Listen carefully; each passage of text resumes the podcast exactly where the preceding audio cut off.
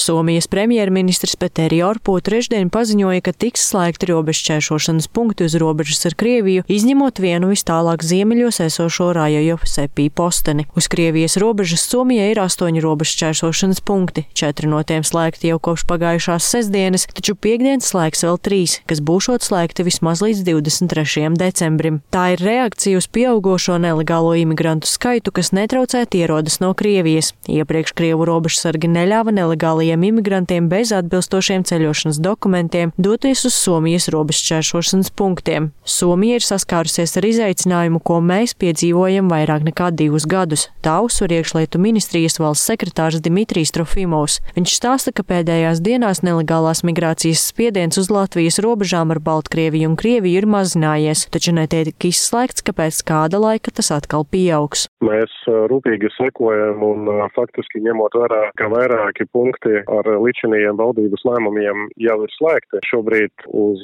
Krievijas mums turpina darboties divi sauszemes punkti, divi dzelzceļa punkti. Uz Baltkrievijas turpina darboties viens sauszemes punkts un viens dzelzceļa punkts. Turpmākā lemšana par punktu darbības ierobežošanu, slēgšanu būs atkarīga, protams, no konkrētas situācijas attīstības, jo ikdienā analizējam datus un sazināmies ar kolēģiem ne tikai Somijā, bet, protams, arī Igaunijā. Kā skaidro ģeopolitika politikas pētījumu centra direktors, Vidzemes augstskolas prorektors Māris Anžāns, Somijas lēmums ir atbild uz acīm redzamu Krievijas apzinātu migrantu sūtīšanu uz robežu. Viņa prāt Somija rīkojas adekvāti, tā sūtot skaidru signālu migrantiem un Krievijai.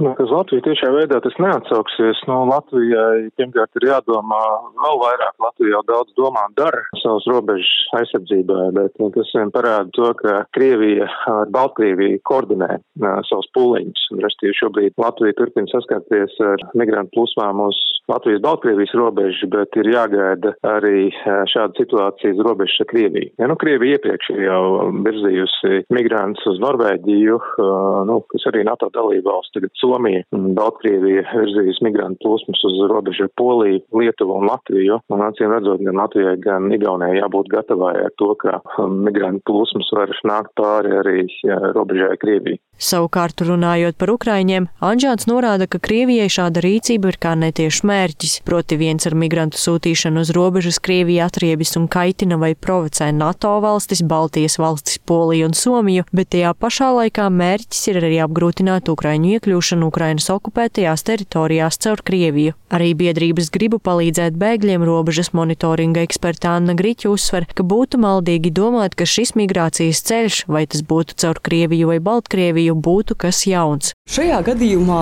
Latvijai ir diezgan stingra nostāja. Tas ir uh, sargāt savas valsts, Eiropas Savienības ārējo robežu, ko mēs arī redzam. Tā tas arī notiek. Tas, ko mēs kā gribam palīdzēt bēgļiem, esam vienmēr uzsvēruši.